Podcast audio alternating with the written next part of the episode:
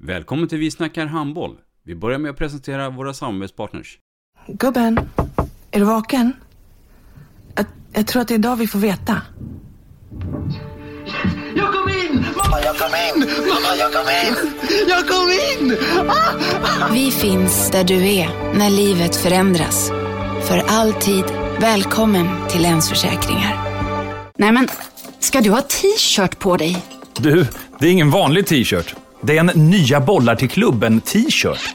Och så matchar den grillkryddorna vi ska använda. Hur då? Men det är ju alla ska med på klassresan grillkryddor. Stötta barn och unga. Shoppa på newbodyfamily.com. Länge leve föreningslivet!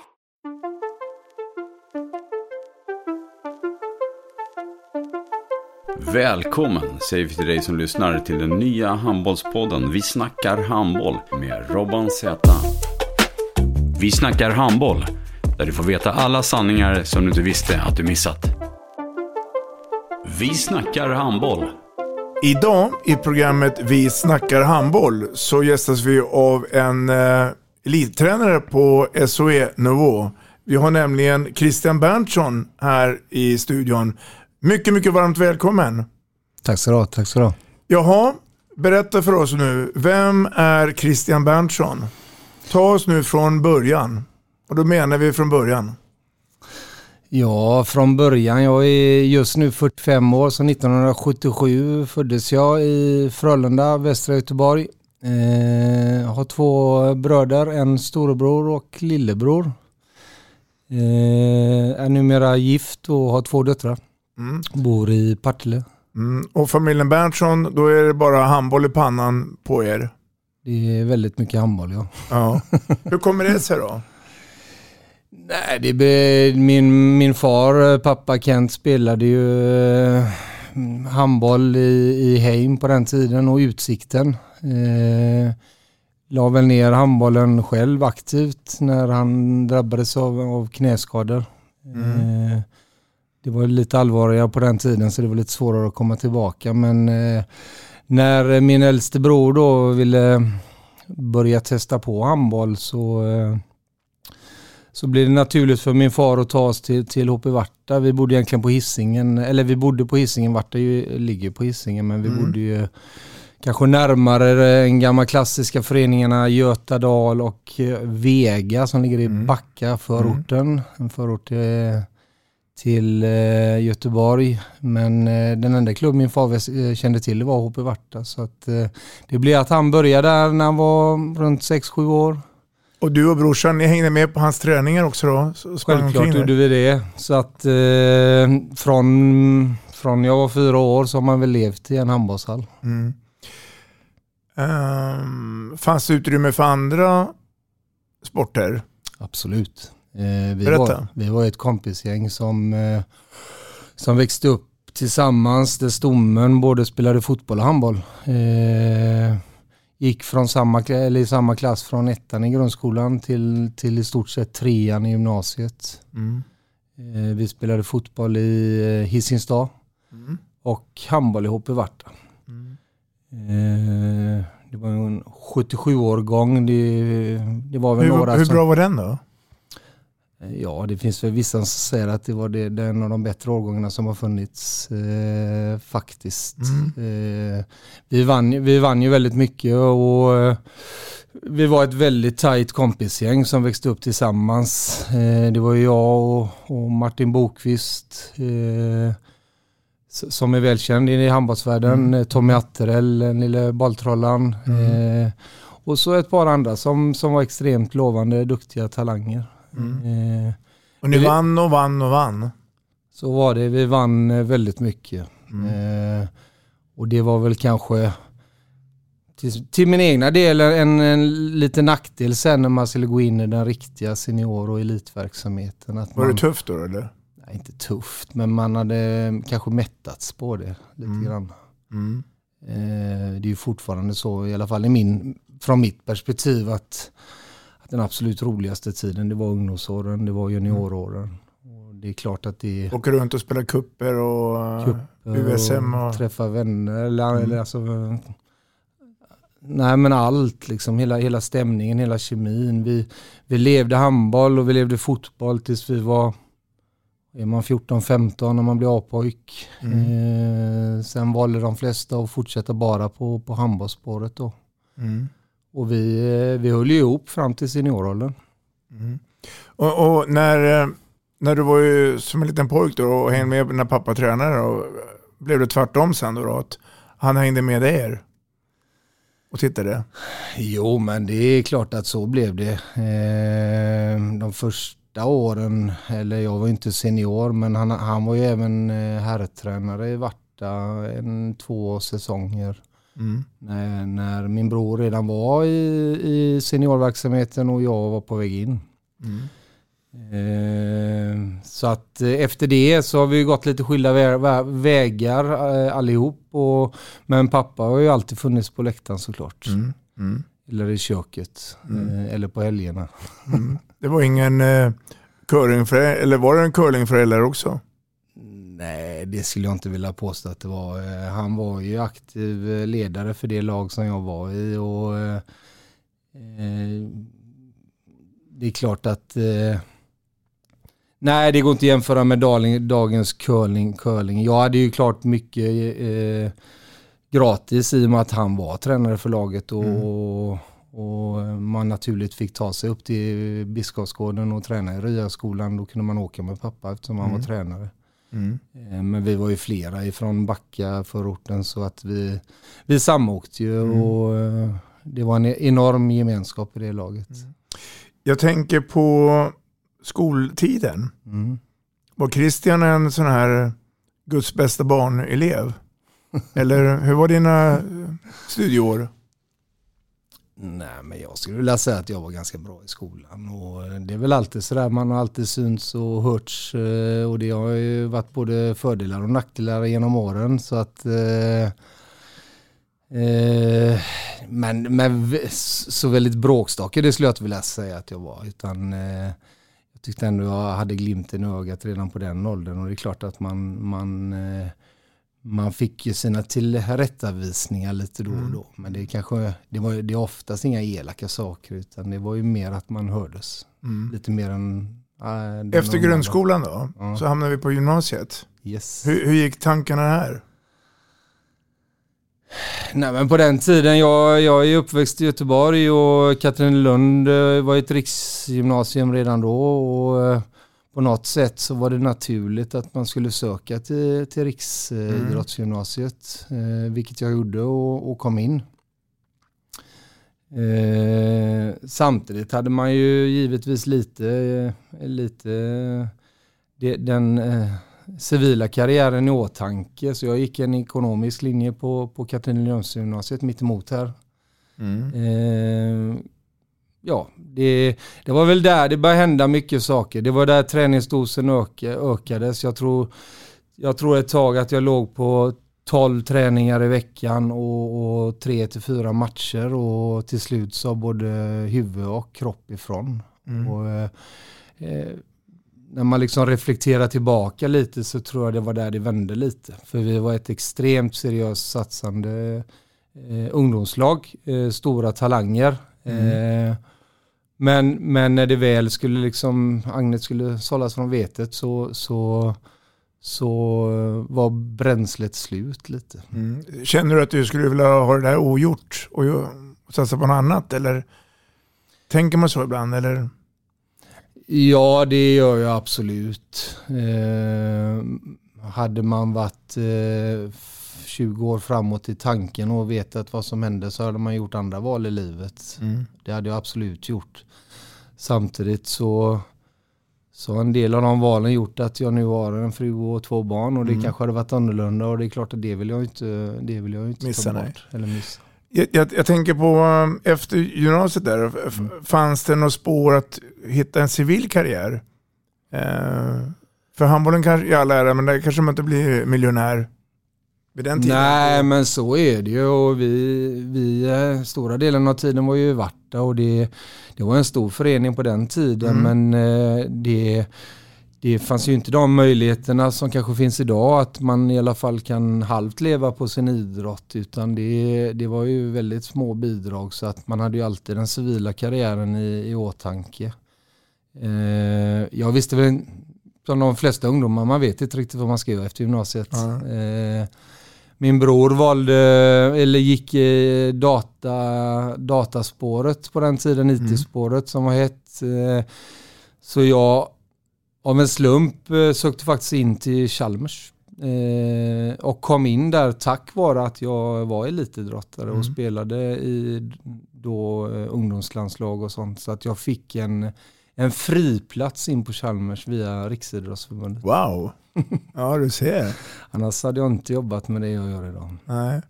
Du var inne på att eh, 77-årgången var stark mm. och eh, samlad eh, i Varta. Mm. Var det en stark årgång totalt sett i Sverige då?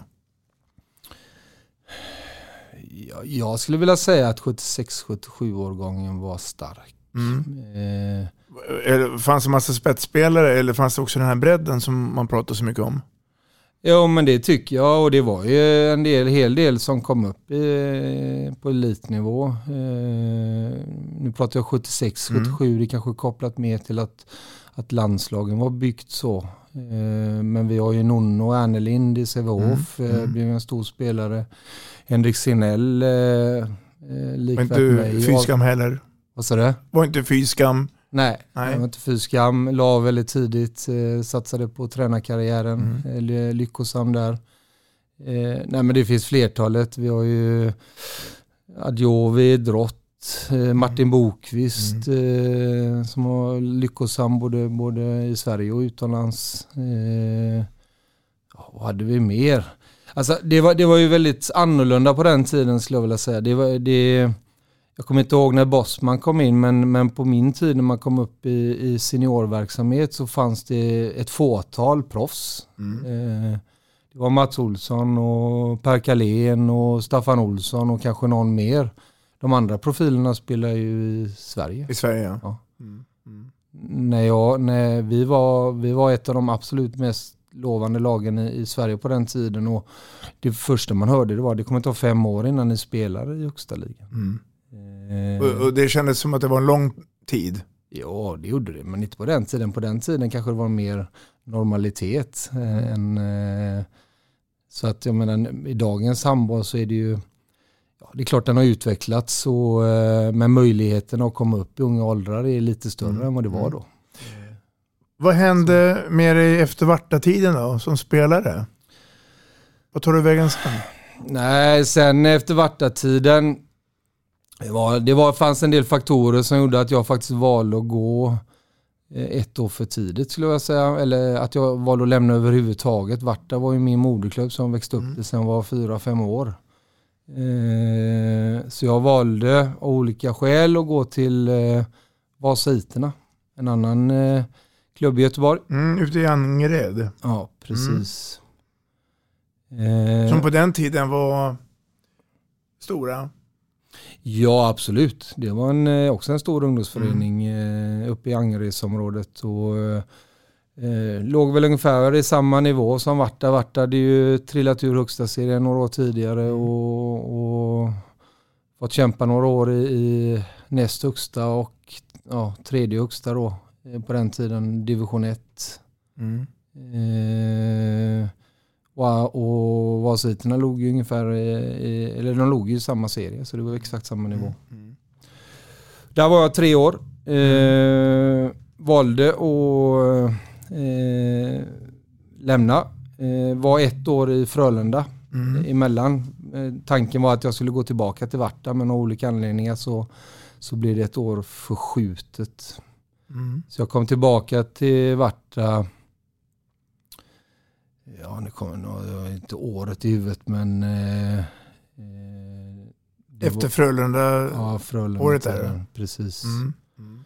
Och där spelade jag i stort sett resten av min eh, tid då. Mm. Eh, vi hade väl en två, tre säsonger i högsta serien och så sen, sen när vi trillade ur så, eh, så var faktiskt tanken på att lägga av helt. Jag var klar med skolan, hade börjat jobba. Och hur gammal var du då? då? Då var jag 25-26. Mm. Men karriären tar slut när du är 27? Ja, 27-28. Ja. Varför då? då? Nej, ja, eh, det ringde ett intressant samtal från eh, Christer Karlsson, CK, som hade tagit över Heid igen. Mm. och han hade samlat ihop ett lag som var, det var faktiskt stommen runt den årgången som, som jag var uppväxt med då, 76 eller 77. Mm. Mm. Så att eh, efter lite mm, omtanke så valde jag faktiskt, äh, jag kör ett år till. Så att jag, eh, jag spelade i, i Heid eh, och vi gick direkt upp i elitserien då. Mm. Då tänkte jag, då kan jag inte sluta, då får jag ju köra ett år till. Liksom. Mm. så att jag körde ett år till, sen slutade jag. Mm. Då var det slut. Och på den tiden, när ni var i högsta ligan kontra idag, så har det hänt en hel del när det gäller utvecklingen. Absolut, det har hänt massor. massor. Mm. Vad är den största skillnaden tror du? Ja, den absolut största skillnaden är ju den fysiska delen. Mm. Jag tycker att handbollen idag är, eh, den är mer fysisk, det går mycket snabbare. Eh, och eh, ungdomarna börjar träna fys på ett helt annat sätt mm. i tidigare åldrar.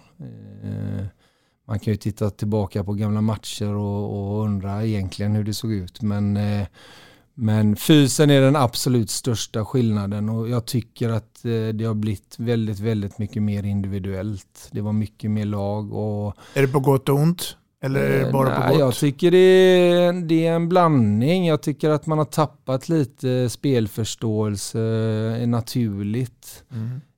Det, det, är ju en enkel, enkel sak att säga men, men det, det hör ihop med mycket mycket. Att eh, jag minns ju själv när, vi, när man var liten att man lekte handboll, man lekte fotboll på gården. Man gick ut på, på gräsmattan och var det kombinationer. Mm. Eh, det, är ju, det är ju ganska sällsynt idag. Vilket innebär att man tappar ganska mycket tid utanför hallen. Mm. Eh, och jag tror, det är min helt personliga tanke, att jag tror att det har fått en påverkan på spelförståelsen i handboll. Mm. När du eh, bestämmer dig då för att lägga skorna på hyllan, mm. när vi pratar om spelarkarriären där då, mm. så antingen har du haft tidigare eller, eller får du den vevan då, intresse för ledarskapet, att bli ledare. Hur gick den här övergången till? Ja, alltså rent eh, idrottsmässigt eller inom handbollen så, så hade jag lite förfrågningar redan, redan då och ta över en del ungdomslag eller alltså börja tränarresan. Men jag, jag var så mätt på handboll så att jag, jag orkade verkligen inte hoppa på det utan jag satsade fullt på min civila karriär. Okej, okay, du, du eh, pausade lite grann från handbollen? Jag pausade helt från handbollen. Mm. Och, och, och, den civila karriären där då, mm. eh, vad, vad var den? Nej, det var ju efter Chalmers. Jag, jag var utbildad eh, dataingenjör mm. efter eh, 2000 eh, var det exakt. Och då började jag jobba på ett litet bolag i Partille. Mm. Som eh, programmerare, systemutvecklare. Mm. Eh, Tjänar du pengar? Ja, jag tjänar pengar. Ja. Eh, försörjde mig själv på ett mm. helt annat sätt.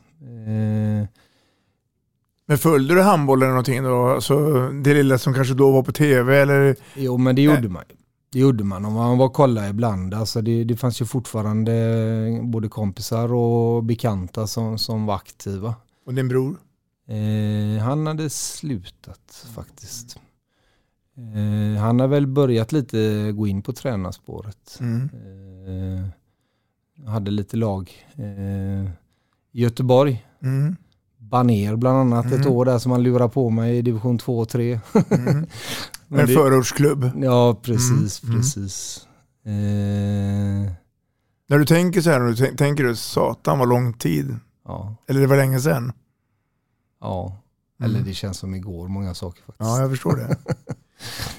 Men vad är det som får dig då att satsa då helhjärtat då på att bli ledare då? För någon måste ha trott på dig och någon måste ha sagt att... Jo men så är det. Om man ser alltså tittar man på det, jag hade ju några år i, i yrkeslivet, eh, eh, började på folkspel eh, tre, fyra år efter jag hade gått ut på Chalmers. Eh, folkspel är ju idrottsrörelsens Mm. lotteriföretag. Mm. Eh, och där, eh, där var ju väldigt mycket idrottsmänniskor som Mm. jobbade. Med handboll som anknytning? Eller vissa med handboll, vissa med fotboll. Mm. Men det Mm. var, det var en idrottslig eh, jargong och, och kultur. Mm. Eh, där, det, det var väl egentligen yrkeslivet som från början tog mig in i ledarroller och, och ledarskap. Eh, jag jobbade en, några år på Volvo eh, som ledare. Mm.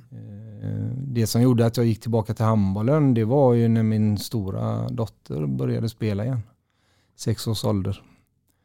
Eh, Och jag bodde ju då i Partille, Sävedalen. Mm, Så mm. att eh, av naturliga skäl så hoppar man in i Sävehof. Mm. Eh, Frågar de då, vill du, vill du vara med här eller smög du in här? Och, Ja men så är det ju såklart. Alla vet hur stora Sävehof är och Ja. hur många ungdomar som kommer där i handbollsskolan de första åren. Och, eh, eh, känner de igen någon där på de första mötena så, så rycker de i en. Eh, man har inte så mycket alternativ. Men vi var ett gäng där, det var faktiskt jag och min bror och en dotter i samma ålder. Och Thomas Blomst, Malena Nilsson, en gammal domare om ni kommer ihåg Mm. henne. Oh, ja. eh, som drog igång eh, Ugglum Ugglumdelen då, de, i Sävehof är det ju så stort så att Mm. Det är inte en handbollsskola utan man har ju fyra, fem utspritt i och då pratar vi årgången, eh, 2002. ja. Så det här var ju då runt 2009. Mm, mm, mm. Mm.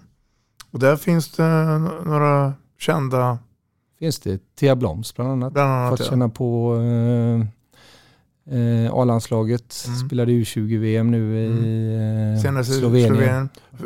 Förstod du tidigt att den här tjejen kan eller kommer bli bra?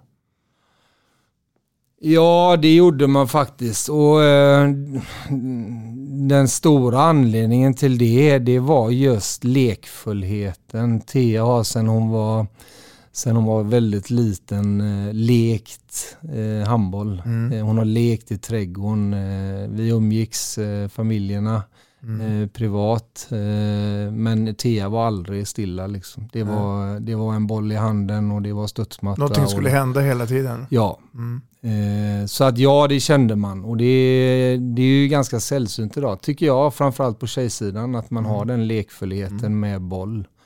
Eh, så att absolut anade man att något stort kunde hända. Hur, hur länge jobbar du sen med det här 02-laget här då? Nej, jag följde ju dem eh, i några år. Eh, jag kommer inte ihåg exakt, men eh, fick ju förfrågan, nu får jag bara räkna bakåt här, det är ju 2002 nu.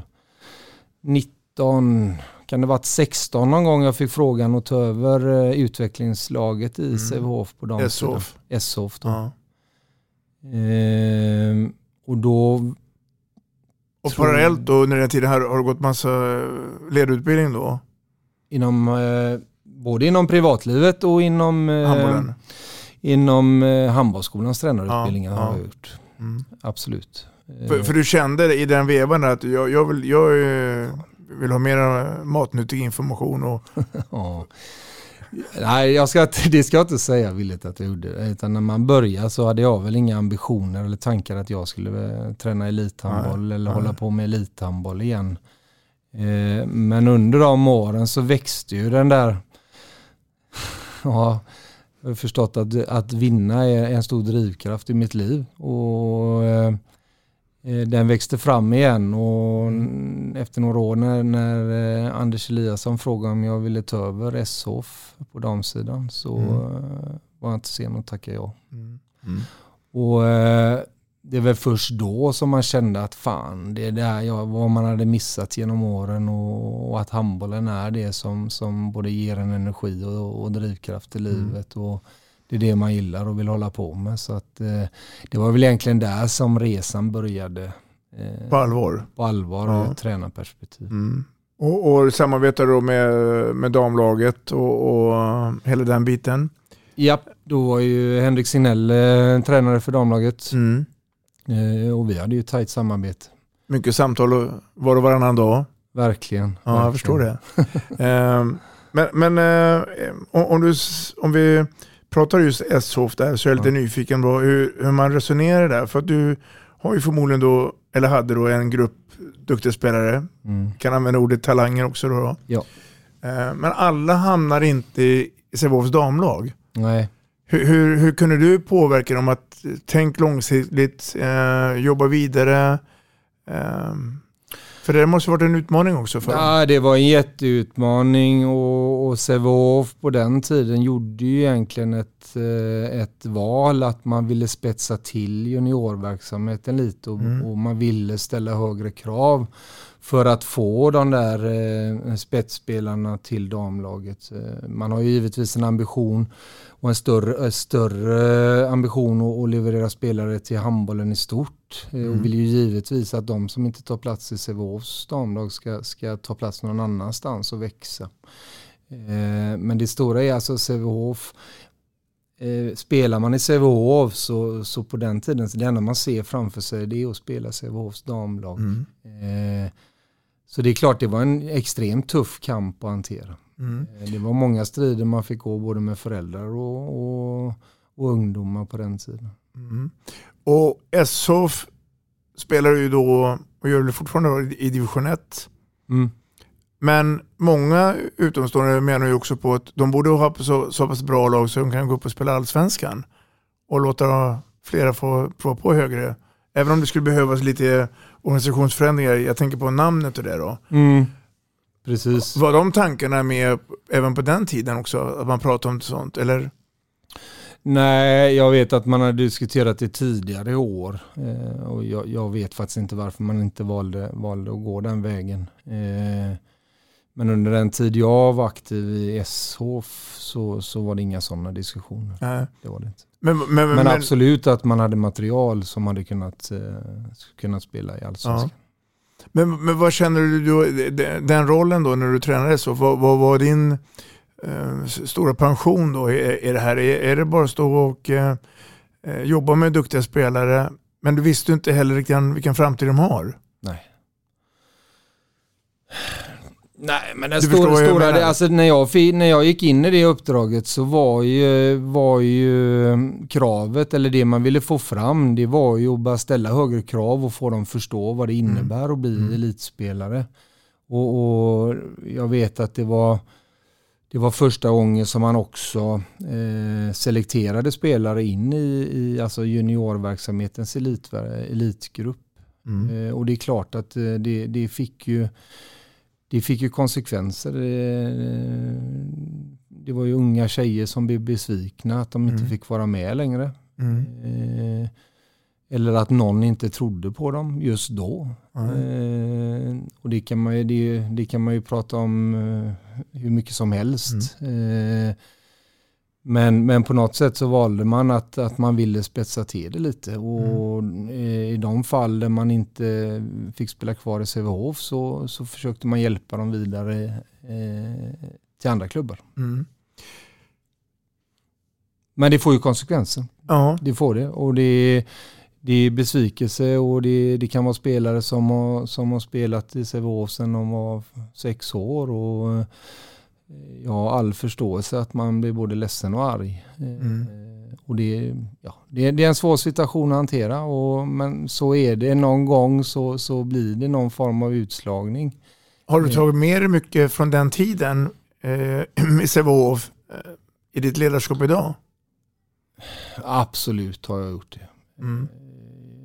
Jag har ju lärt mig det mesta i Sävehof när det gäller ledarskap inom, inom, inom handbollen. Eh, Mm. Jag, jag tar ju även med mig väldigt mycket från, från yrkeslivet. Mm.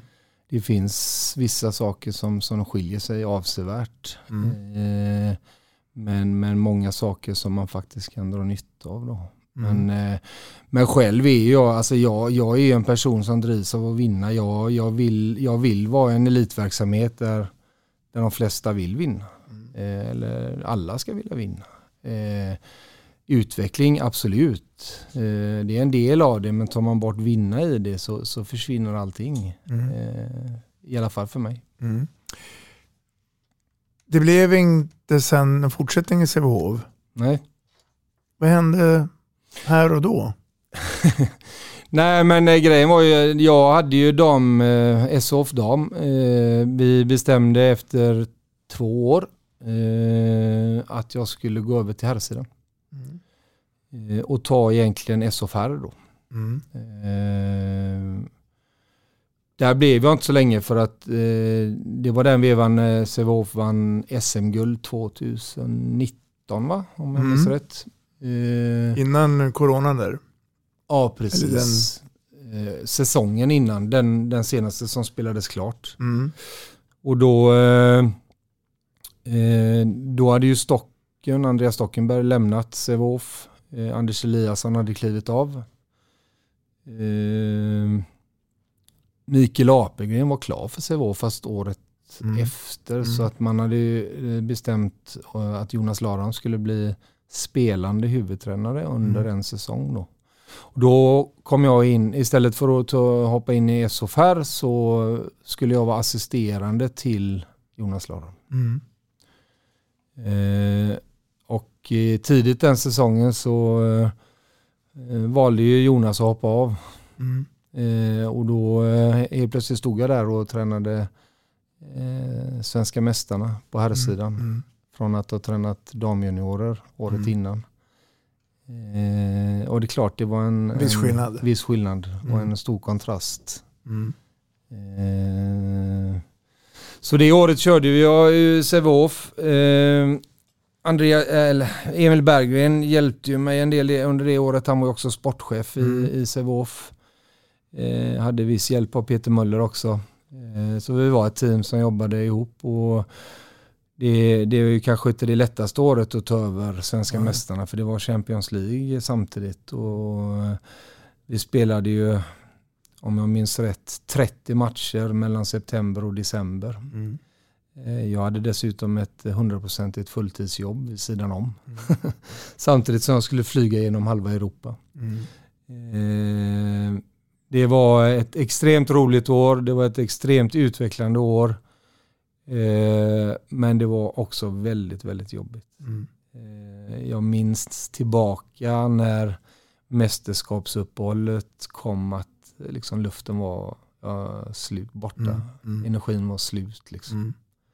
Mm. Eh, det positiva i det var väl att man hann aldrig tänka för det gick så fort hela tiden. Liksom.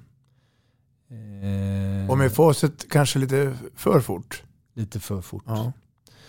Eh, sen efter mästerskapet så eh, spelade man ju nästan klart serien. Jag tror det var eh, sista omgången som man valde att stänga ner på grund av pandemin. Mm. Eh, Så slutspel blev det ju inte.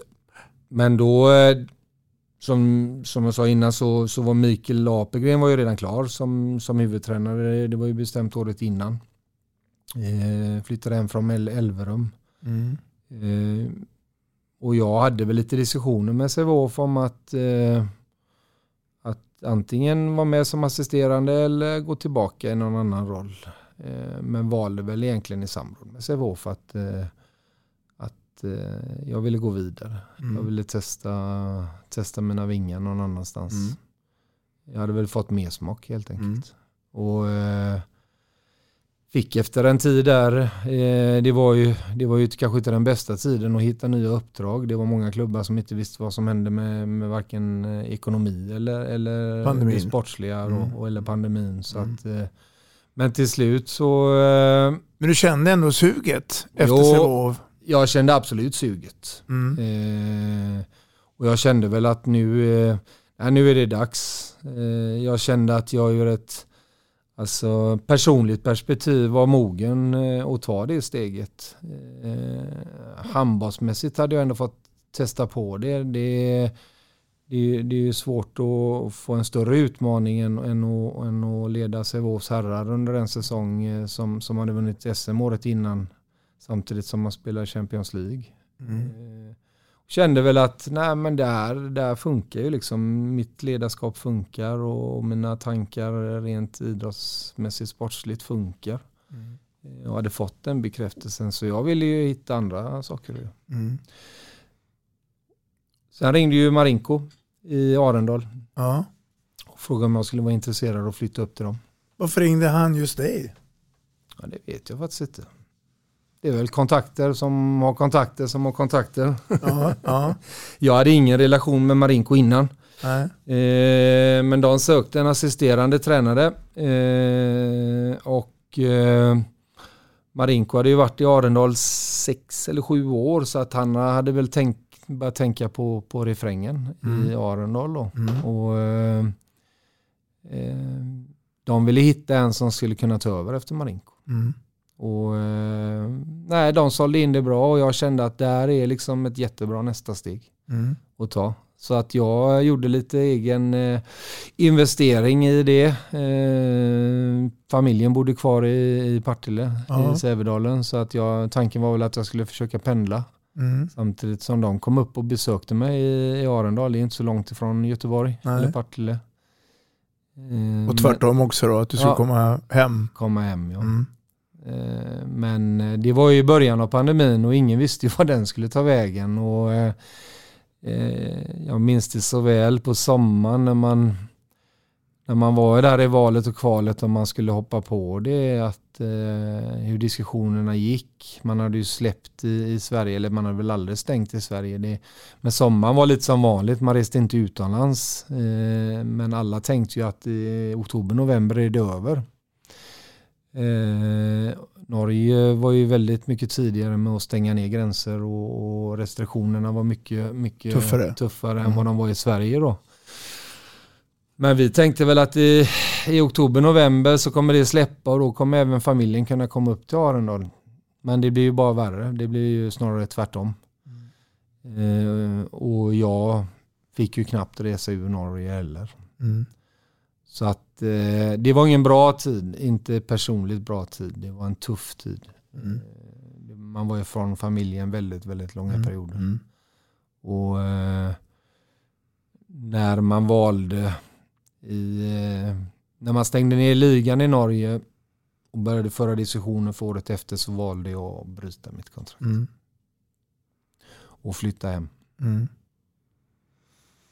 Tråkigt. Det var Arendal är en fantastisk stad. Det är en, eh, en klubb som har resurser och ambitioner. Eh, Och vill framåt. och vill framåt. Det är en, en stad som har handbollskulturen. Det, det andas handboll i hela Mm. staden. Mm. Liksom. Allt var upplagt för succé men, eh, men tyvärr så som för, som för så många andra så förstörde pandemin den Mm. upplevelsen. Mm.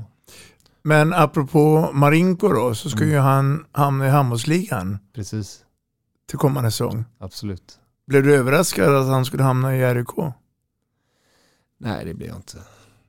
Faktiskt inte. Eller du kanske redan visste om det innan vi andra visste om det? Ja, så kan det ha varit fallet. eh, i och för sig. Men, nej, men jag och Marinko, det är en vän för livet som jag har fått ja, sen Arendalstiden. Och, eh, vi, vi har fortfarande tät kontakt och dialog. Och, eh, det är en människa och person som jag respekterar väldigt, väldigt mycket. Mm. Eh, jag, jag hoppas av hela mitt hjärta att han ska få RIK upp i tabellen igen. Mm. Har, ni, har ni ungefär samma typ av, av handbollssyn? Hur handboll ska spelas? Ja, men det har vi absolut. Eh, han är liksom mig en, en energiledare. Mm. Eh, byg, bygger väldigt mycket på energi och, och inställning och, och attityd. Eh, ja, det jag kanske tillförde mer där, det var, det, var, det var intresset för den taktiska delen eller nörderiet. Liksom. Mm. Eh, så vi var en väldigt bra kombo jag och Marinko. Mm. De som känner dig, Mm. och det är säkert en hel del. Mm. Vad tror du de skulle säga om man ställer frågar är Kenneth Berntsson en herrtränare eller damtränare? Christian Persson. Ja, förlåt Christian. Förlåt. Oj, den var Det börjar på K i alla fall. faktiskt. Ja, de skulle nog säga att jag är en herrtränare. Mm. Vad känner du själv då?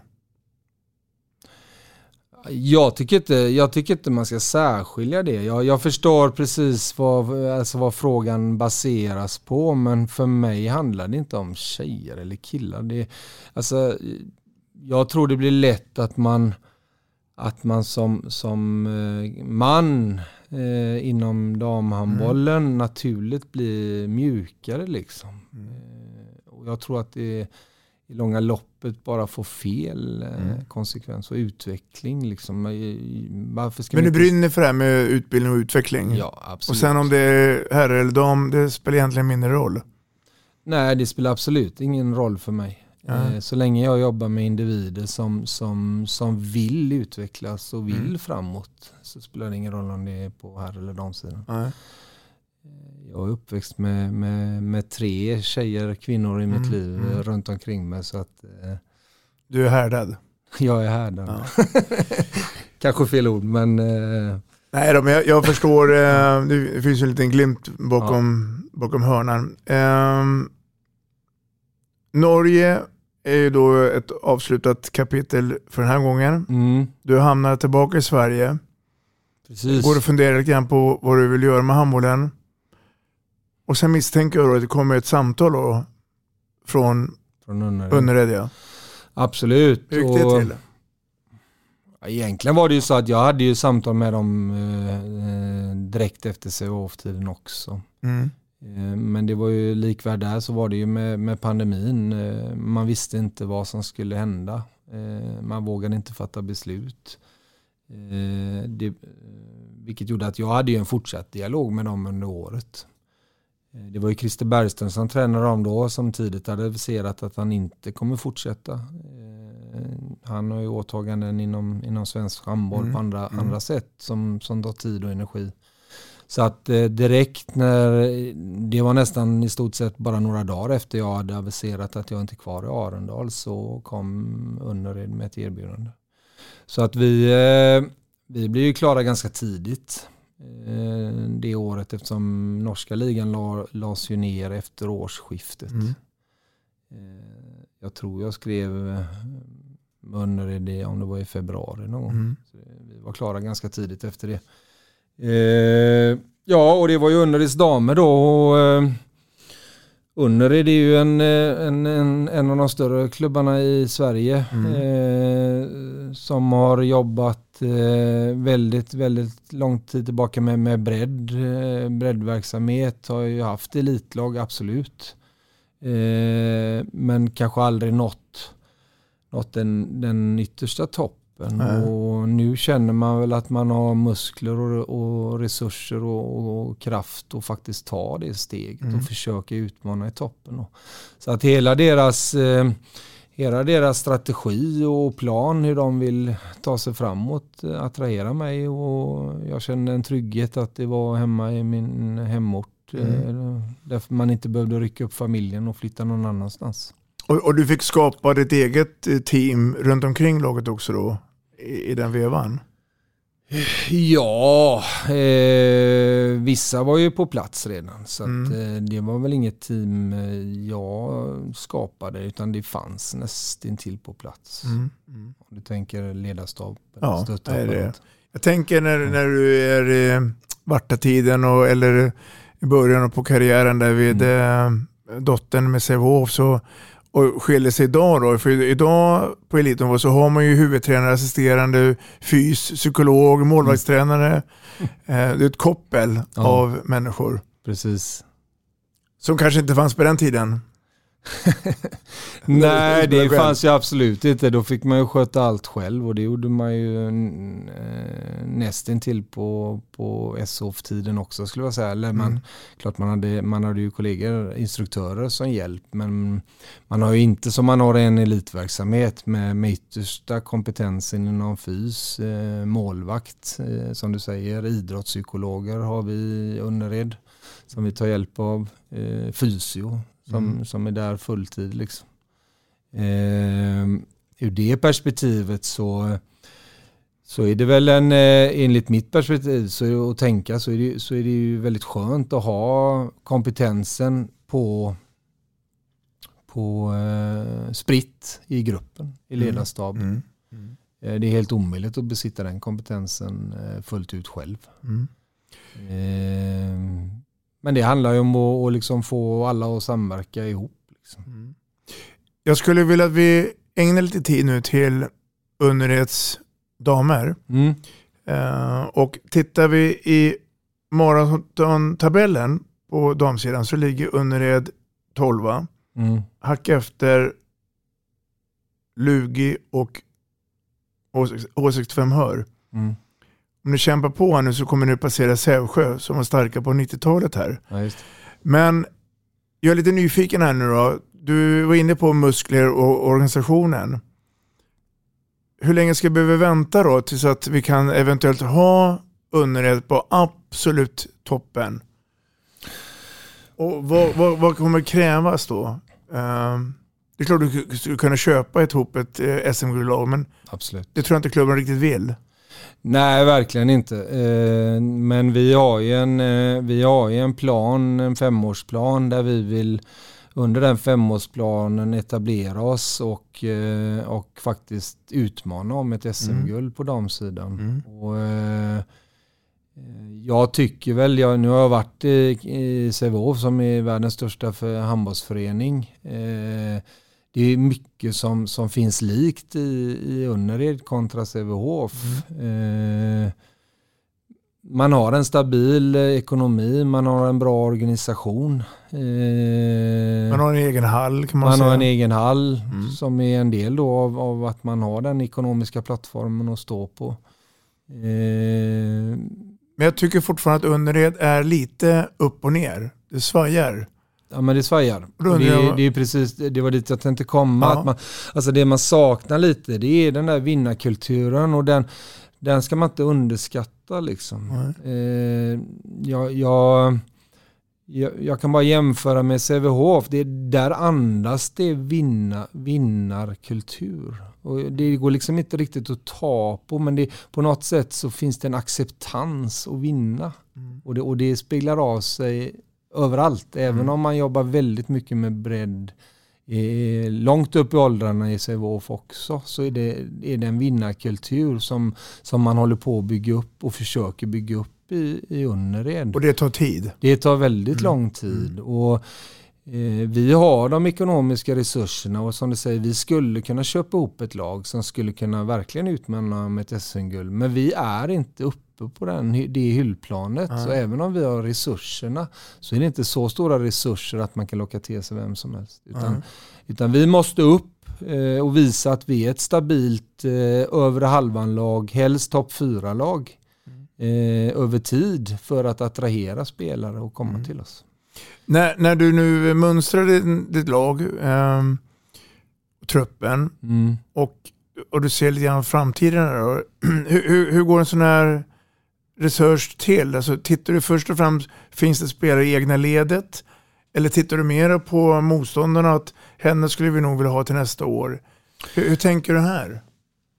Nej men jag tänker ju utifrån, eh, utifrån eh, ett vad vi, alltså byggt på hur jag vill spela handboll och den spelidé jag har. Och, eh, Kan du kort beskriva hur, hur den modellen ser ut? Men alltså, jag, jag är ju en energispelare. Jag, jag gillar ju att spela ett, ett försvarsspel som är dynamiskt och man kan anpassa det lite efter Ja, situation. det tycker alla andra också. Ja, tycker alla andra absolut.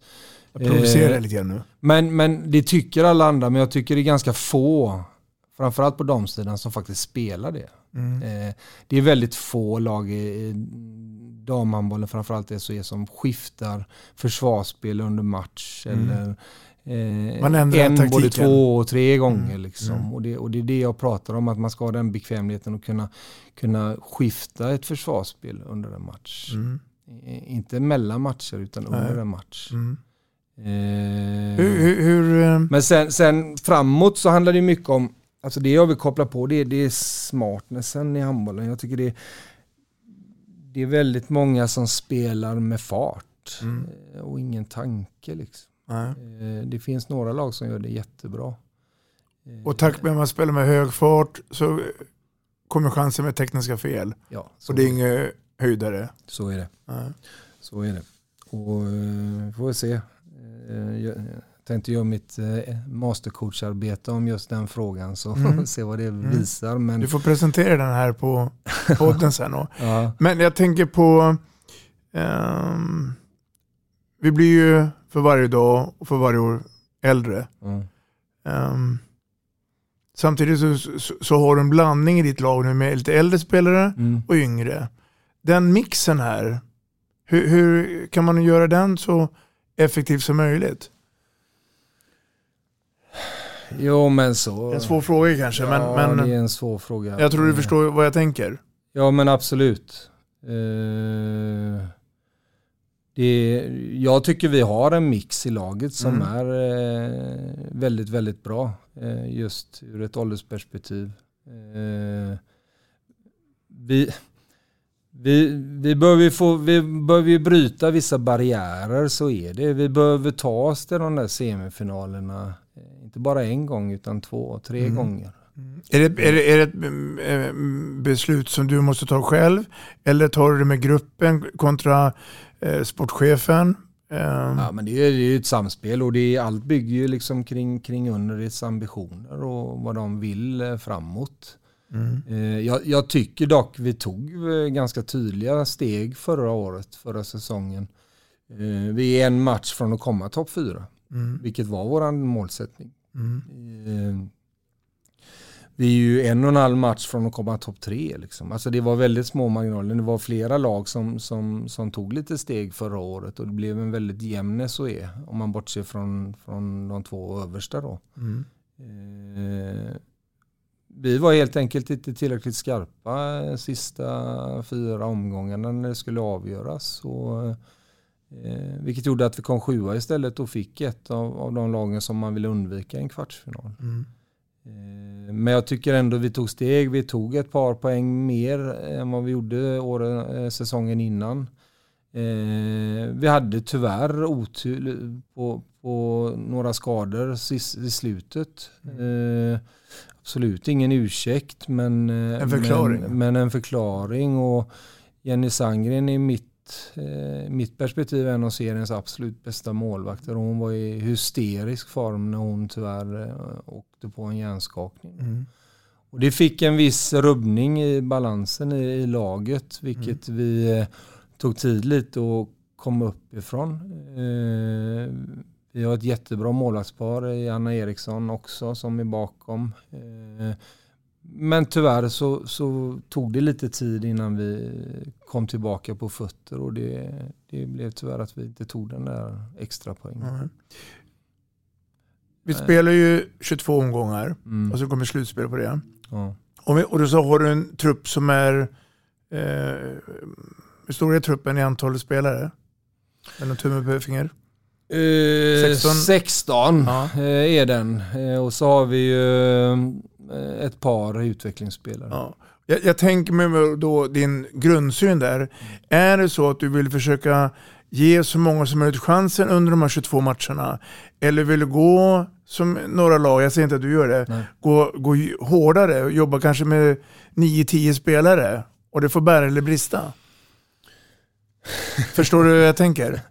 Ja, och det, jag förstår hur du tänker och det, det är lätt att sitta här och säga det ena eller det andra. Mm. Men jag, jag tror jag sa det tidigare i podden. Jag har en alltså drivkraft i mig är att vinna och när man väl står där så vill man vinna till vilket pris Mm. som helst. Eh, Självklart så vill man ha så många aktivt som igång som möjligt under en säsong. Eh, Men det handlar också om att förtjäna eh, den möjligheten. Så det är ingenting som jag bara ger spelarna. Utan Mm. man får visa i träning och i match att man faktiskt vill, vill ta den möjligheten. Eh, sen har man ju ett annat perspektiv och det är ju de utvecklingsspelarna som är tredje, fjärden, sist då i, i truppen som, som spelar på match. Det är klart att man eh, de vill man ju på ett strukturerat sätt slussa in och få känna på det utan att de ska ha en krav på sig och faktiskt leverera Mm. då. Eh, Men det handlar ju också väldigt mycket om var du ligger någonstans i tabellen. Om du Mm. hela tiden ligger och pendlar mellan slutspel eller inte slutspel, ja då blir det väldigt mycket svårare att ge Mm. den tiden. Eh, är man ett stabilt topplag som, som Skuru, Sävehof har varit de senaste åren, ja då är det ju lättare att ge den tiden. Mm. Då är en förlust kanske inte så ödesdiger. Eh, Det är bara att titta förra, förra året hade, hade, vi, hade vi haft matcher när vi hade resonerat så och tappat poäng så kanske vi hade missat slutspel till och med. Mm. Så att det, det är klart, det, Det är en avvägning hela tiden, en balansgång. Det, det är en balansgång mm. och, och, avvägning. Och jag har matcher där man i en matchplan har haft en tanke att, att ge en utvecklingsspelare tid. Eh, men av olika anledningar så har inte den möjligheten kommit för att man har fått kämpa hårdare än vad man hade kanske tänkt sig. Eh, och då, eh, ja, då blir inga, alltså det, det blir en besvikelse även hos mig. Liksom. Mm. Jag, jag håller ju med dig och, och jag, jag, jag, jag, tror ju fortfarande på att eh, det laget som vågar gå bredast med antal spelare mm. vinner i långa loppet.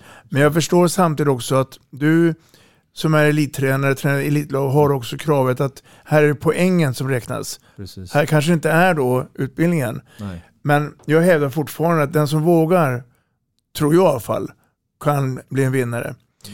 Vi byter lite ämne och mm. Eh, går in bara på, för jag tänkte vi skulle runda av också då, där vi ska gå in i framtidsspegeln, mm. som jag brukar säga säsongen som kommer, 2022-2023. Absolut.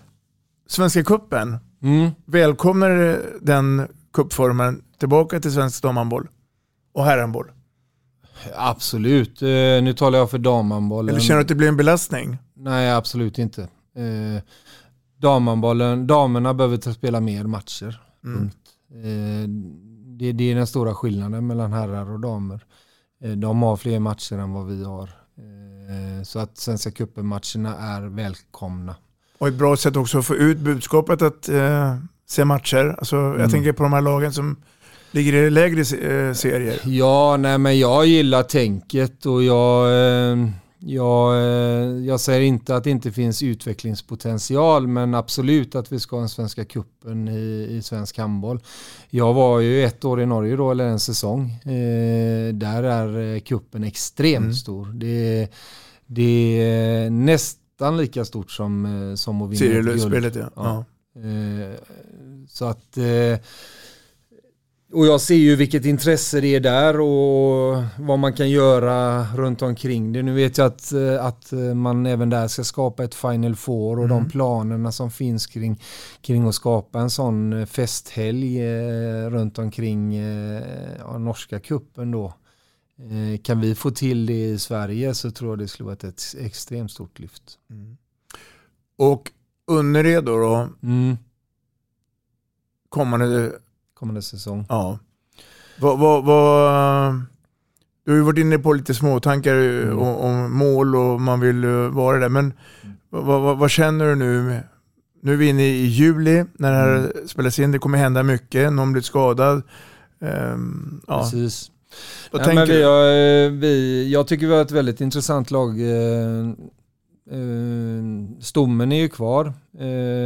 vi har gjort vissa justeringar. Vi har fått in eh, spets eh, på vänsterkanten. Eh, vi har fått en extremt lovande talang från, från allsvenskan som jag tror har all möjlighet. Vem tänker du då på? Jag tänker på Ella Sjöberg från AIK. Mm. Hon ser jätte, jätteintressant ut och det är ju en av anledningarna till att vi tog henne såklart. Mm. Jag hoppas och tror att hon kan ta steg redan i år. Mm och etablera sig i SOE. Eh, en väldigt intressant spelare. Eh, och vi har några unga. Eh, Fanny Elofsson gjorde ett jättebra förra året, eller förra säsong. Kommer från Skövde där hon kanske inte alls hade lika stor roll och, och fick en väldigt stor roll förra året. Och, och det är också en del av spelutvecklingen. Ja, att man byter sida. Precis. Och mm. eh, nej men eh, kan hon liksom eh, ta något steg till så, så, så kommer hon ju bli livsfarlig.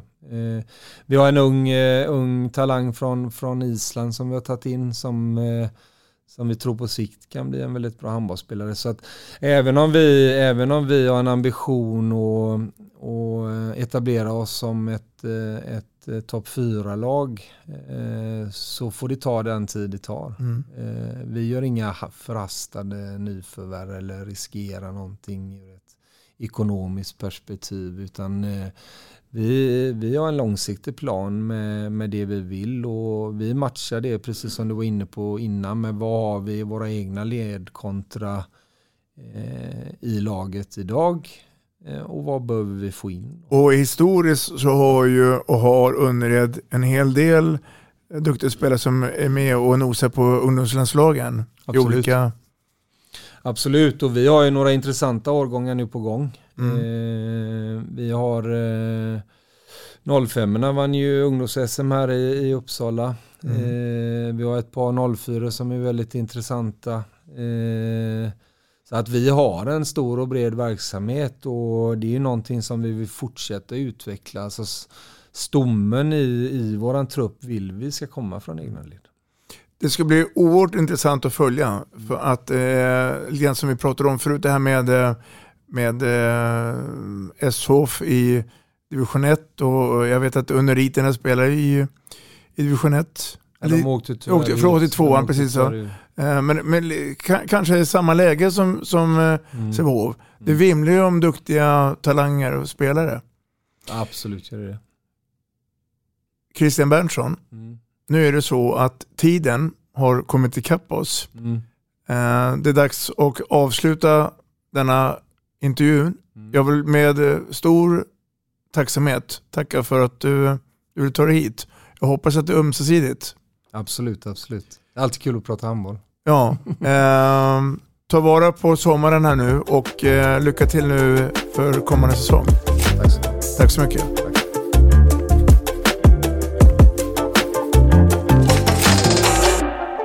Vi snackar handboll, där du får veta alla sanningar som du inte visste att du missat.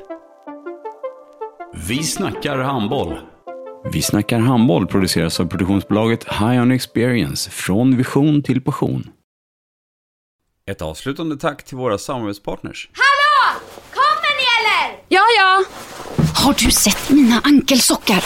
De här? Nej, nej, jag menar skridskoslip till juniorlaget Ankelsockarna. Ja, men kolla bredvid träningsläger med handbollstjejerna-t-shirtarna. Stötta barn och unga. Shoppa på newbodyfamily.com. Gubben, är du vaken? Jag, jag tror att det är idag vi får veta. Jag kom in! Mamma, jag kom in! Mamma, jag kom in! Jag kom in! Ah! Vi finns där du är när livet förändras. För alltid välkommen till Länsförsäkringar.